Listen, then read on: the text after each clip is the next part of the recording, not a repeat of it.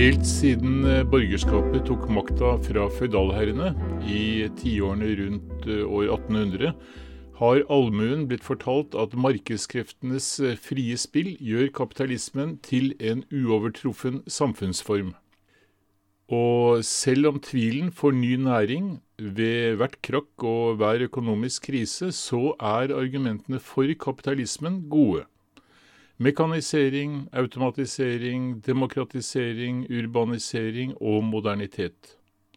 Svartedauden og tuberkulosen er i dag bare fjerne minner, mens langhelger, åttetimersdager og fireukersferie gjør livet lett å leve, både på hytta og på sydencharter. I eh, dagens Norge er det vanskelig å tenke seg et alternativ til det bestående. Like fullt står dagens etablissement foran kriser som ikke kan løses innenfor grensene av det bestående samfunnet. Kapitalismens grunnleggende drivkraft er jakten på den merverdien som menneskelig arbeid skaper. Ved å opptre som arbeidskjøpere kan eierne av kapital sikre seg brorparten av de ekstra verdiene som skapes gjennom arbeidet. Kapitaleiernes profitter bygger på en stadig ekspansjon, en økonomi som produserer stadig mer. Men for å vokse må økonomien også forbruke mer, det trenges eh, flere markeder, råvarer og produksjonsarealer som det ikke finnes en uendelighet av. Behovet for en evig vekst møtes av naturlig begrensede ressurser. Og det er ikke vanskelig å forstå at i dette møtet er det den evige veksten som må tape. En samfunnsorden som krever evig vekst, er ikke, og kan rett og slett ikke være, bærekraftig. Men eh, hva kan erstatte den? Hva er alternativet?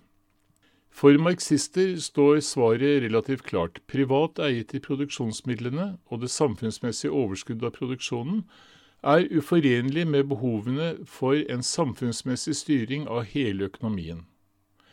Når naturkriser, miljøkriser og økonomiske kriser truer selve eksistensen til samfunnet og naturen, da er det på tide å fjerne det private eierskapet til de store internasjonale og nasjonale bedriftene, og erstatte private eiere med representanter for hele befolkninga. Dette har vi prøvd før. Se hvordan det gikk i Sovjetunionen, i Øst-Europa og i Kina, sier representantene for borgerskapet og det bestående. Nja, det er vel ikke helt sikkert at de har rett i det.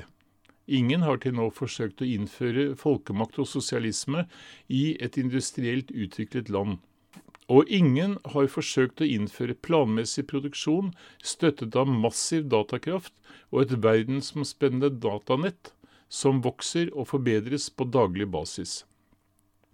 Og ingen som kjenner Sovjetunionens og Kinas historie, har til nå forsøkt å skape sosialisme noe sted jeg vet om.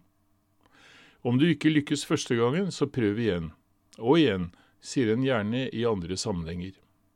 Et sosialistisk Norge med en demokratisk styrt og planlagt økonomi blir det neppe lett å skape. Men det kan være at det blir nødvendig. Det kan bli nødvendig lenge før du aner det. Ha en strålende 1. mai.